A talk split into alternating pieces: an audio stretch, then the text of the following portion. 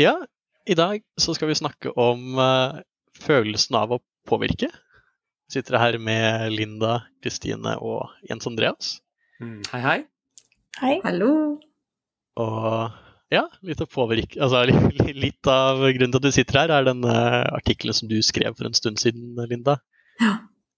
Kan ikke du ta og fortelle oss litt kort om hva du skrev? Jo, det kan jeg gjøre.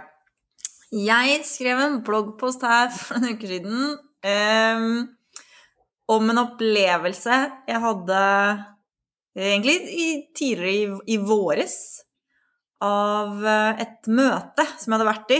Og før det møtet så uh, var jeg veldig Jeg hadde en slags sånn liste med ting som jeg håpet at vi skulle sitte igjen med ut ifra det møtet. Det skulle tas en beslutning, og jeg håpet liksom at dette og dette skulle skje. Um, og så beskriver jeg i den bloggposten at jeg gikk inn i det møtet, og så fikk jeg egentlig alt på lista mi. Og så gikk jeg ut av møtet, og så var jeg bare veldig bekymra. Det jeg satt igjen med, var liksom en sånn Ikke en følelse av Yes! Naila det! Greide liksom Der fikk jeg beslutningen jeg trengte. Woo!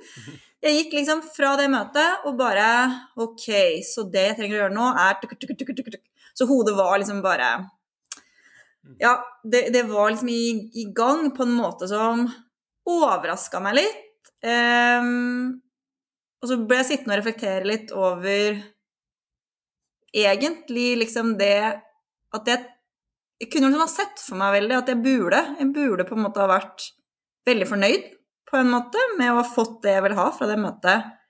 Hvorfor ble jeg ikke det? Hva kommer det av? At jeg ikke følte en sånn skåringsføling, holdt jeg på å si. At det, var, at det var jeg satt igjen med. Og så mm, skriver jeg jo litt ut det jeg tror da er liksom min antakelse om det og meg selv, at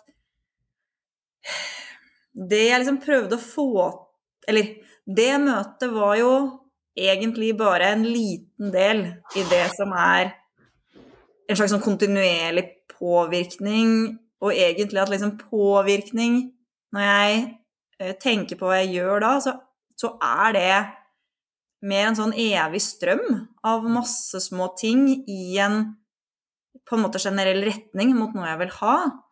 Eh, og det er veldig sjelden jeg egentlig kommer i mål med liksom den derre Yes, nå har jeg fått påvirket. At det å påvirke er Det er, bare, det er liksom i evig progresjon. Mm. Liksom, man kan bli litt mer i den retningen, nærme seg målet litt etter litt.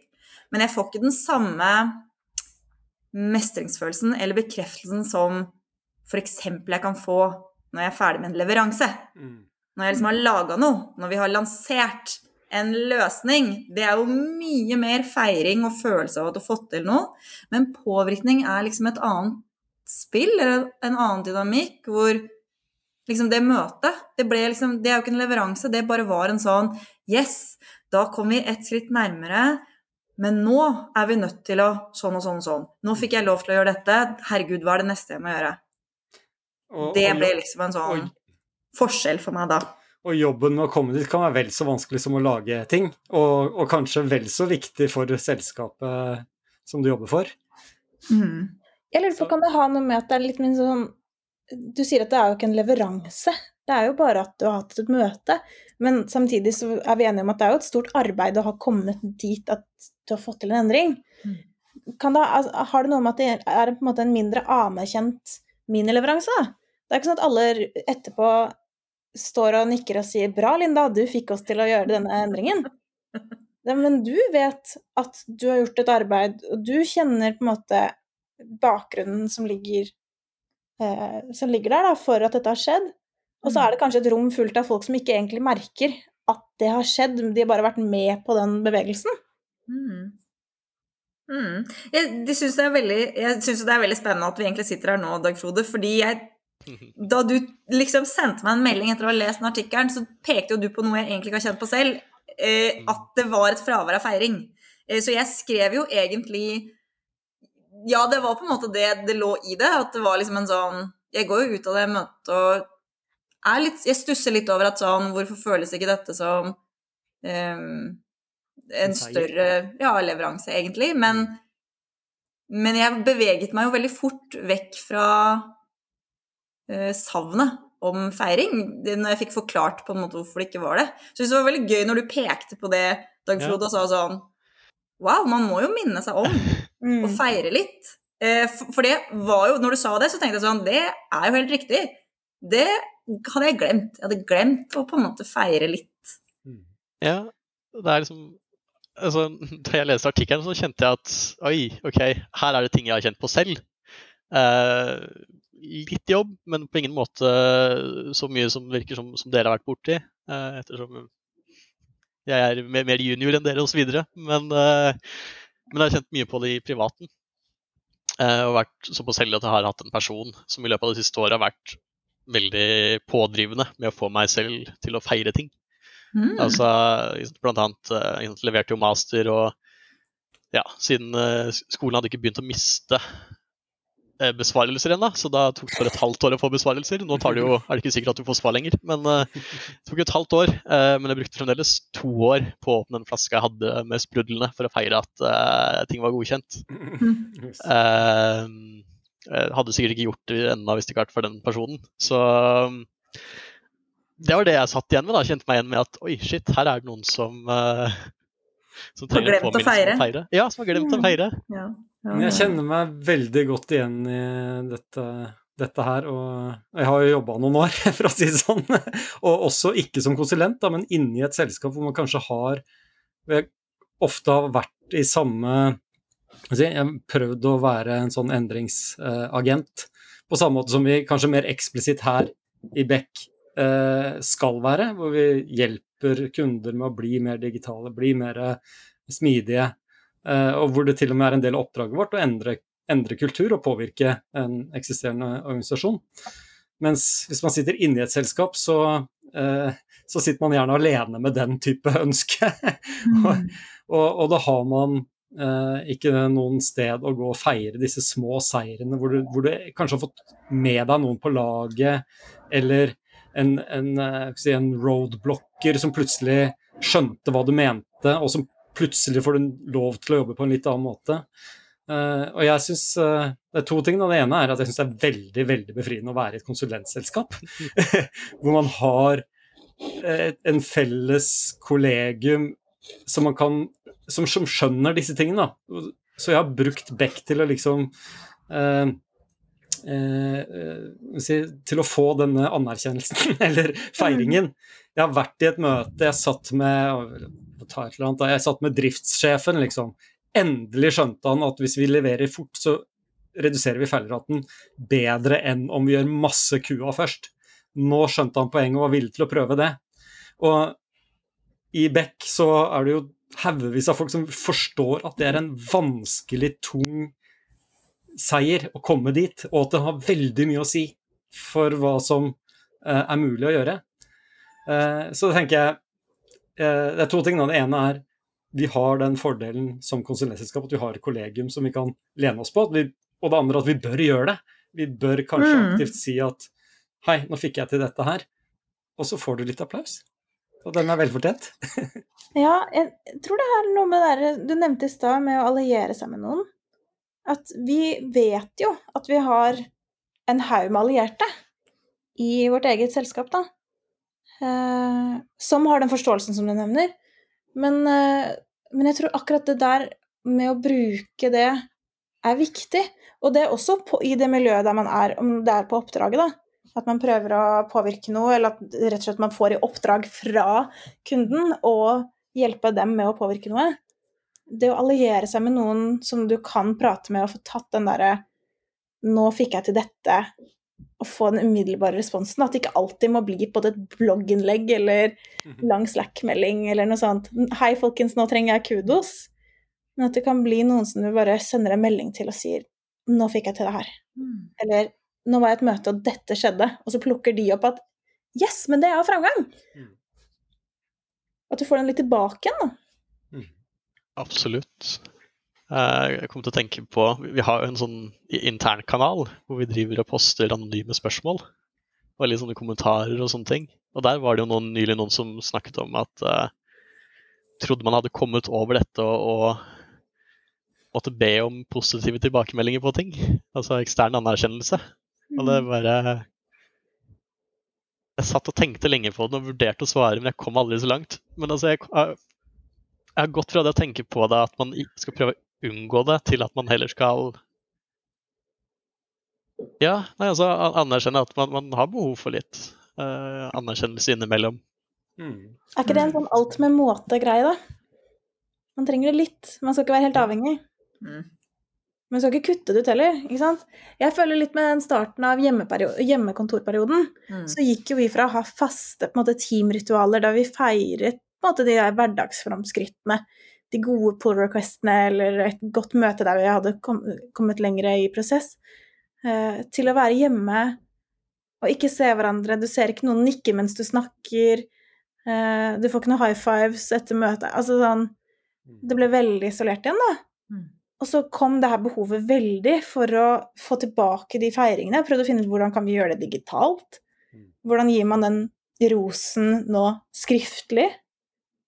Mm. Men, men etter hvert som det begynte å falle litt på plass igjen, så har jeg merka Jeg merket det på teamet mitt, da. At vi begynte å få til det her med de småfeiringene, den der rosen som kommer i drypp. At det har en stor effekt på folk, og, og på teamets eh, felles mestringsfølelse, på en måte. Mm. Så, så jeg er enig med det der med Man kan ikke kutte det helt ut, altså. Det er ikke bra. Nei, og jeg, når jeg liksom tenker litt tilbake på sånne opplevelser av eh, mer eller mindre eh, feiring, eller følelse av eh, mestring under påvirkning jeg, Det er ganske stor forskjell, eh, tenker jeg, at på de gangene hvor jeg gjør påvirkning aleine, det vil si eh, når jeg sitter egentlig litt alene med hvor jeg har lyst til å gå, Mm. versus når jeg har fått til å snakke med noen andre om hvor jeg vil. For den der feedbacken, liksom, den der ytre anerkjennelsen, eller bare, bare den delingen av Vi har kommet litt videre. Eh, og det er jo en sånn merkelig selvsagt ting da, å måtte si nå eksplisitt at eh, selvfølgelig så trenger andre å vite hvor du er på vei, hvis de skal gi noe feedback, og at du har tatt ett skritt nærmere, liksom. Men, eh, men jeg har jo eh, ofte tatt meg selv i at jeg er eh, kanskje litt for redd til å melde hva jeg vil få til.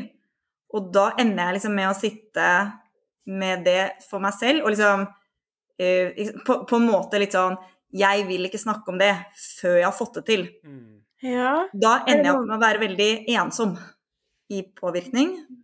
Og mye reddere, og liksom absolutt mye mer fravær av at andre kan dele den derre Ja, dette var jo et bra møte. Herregud, nå er jo han driftssjefen da, Jens Andreas. Han ble jo med. Jeg veit hvor vanskelig det har vært. Og at du vil det, liksom.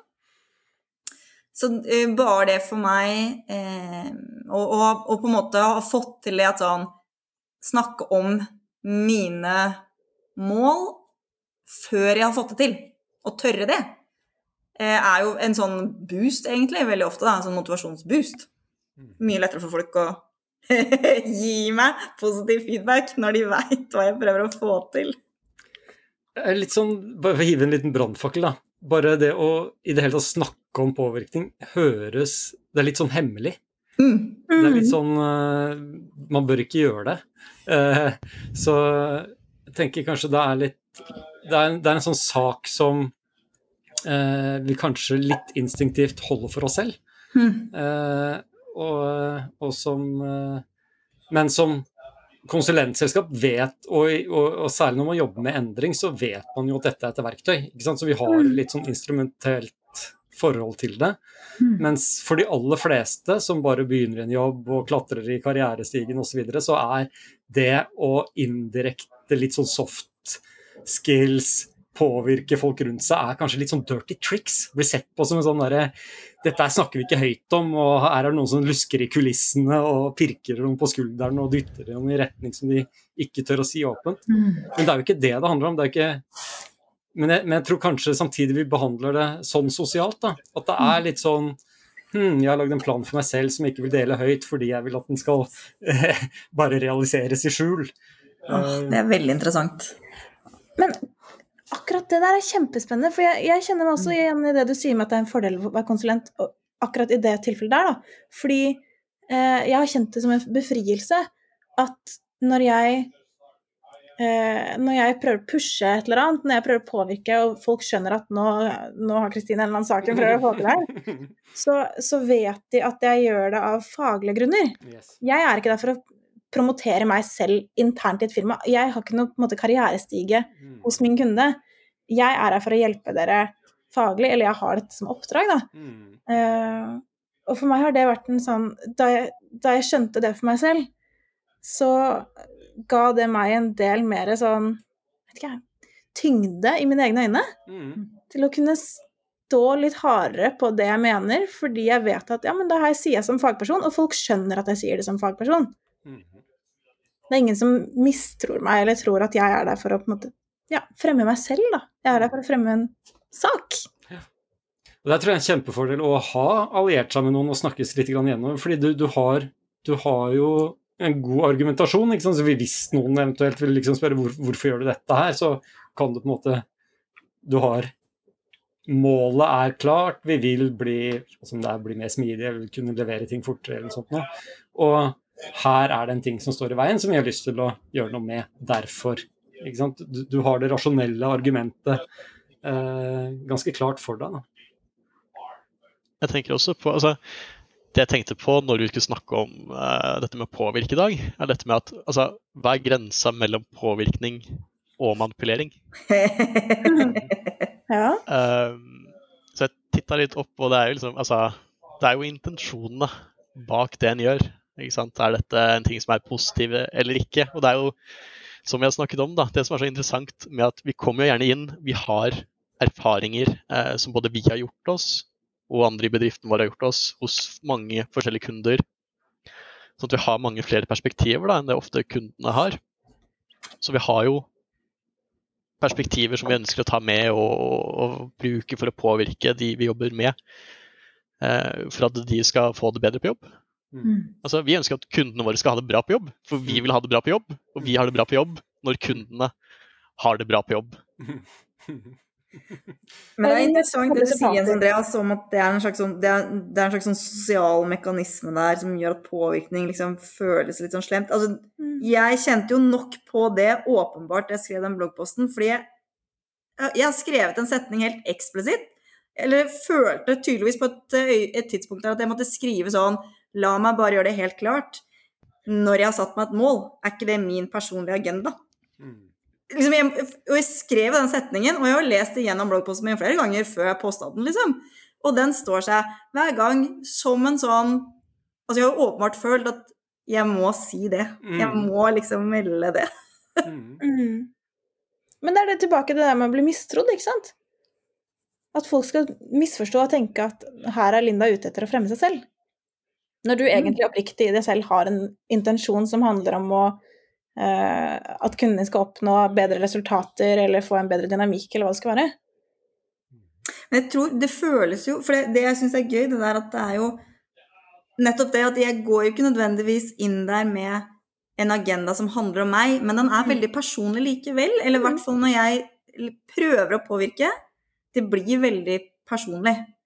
Mm. det er liksom noe Jeg greier ikke å påvirke så mye i ting jeg ikke selv er investert i, eller jeg selv syns er viktig.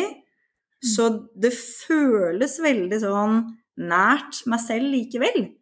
Eh, Når jeg liksom går inn og Jeg vil få til liksom bedre prosesser, eller gå mot i en eller annen strategisk retning med digitalisering. Jeg syns vi burde gjøre sånn og sånn, eller at dette hadde vært et bedre område å jobbe på.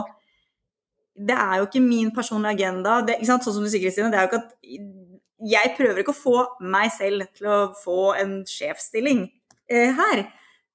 Men det er likevel en sånn følelse av det blir min agenda. Jeg syns det er kjempeviktig. Det er definitivt eh, veldig viktig. Og jeg tenker at altså, Det er jo en stor grunn til at vi er der òg. Mye av jobben vi skal gjøre, er jo å, å påvirke. Eh, Så jeg tenker jo at uh, det er jo mange som, som er og, og kan utvikle osv. Vi er jo liksom spesielt kjente for å være med og, og snu organisasjoner og, og, og, være med å påvirke. Mm. Jeg tenker vi får, uh, får runde av praten der, jeg. Ja. Vi har mye mer vi kunne ha snakket om om, om påvirkning, men uh, det får være en, en, annen gang. Takk for praten. Takk.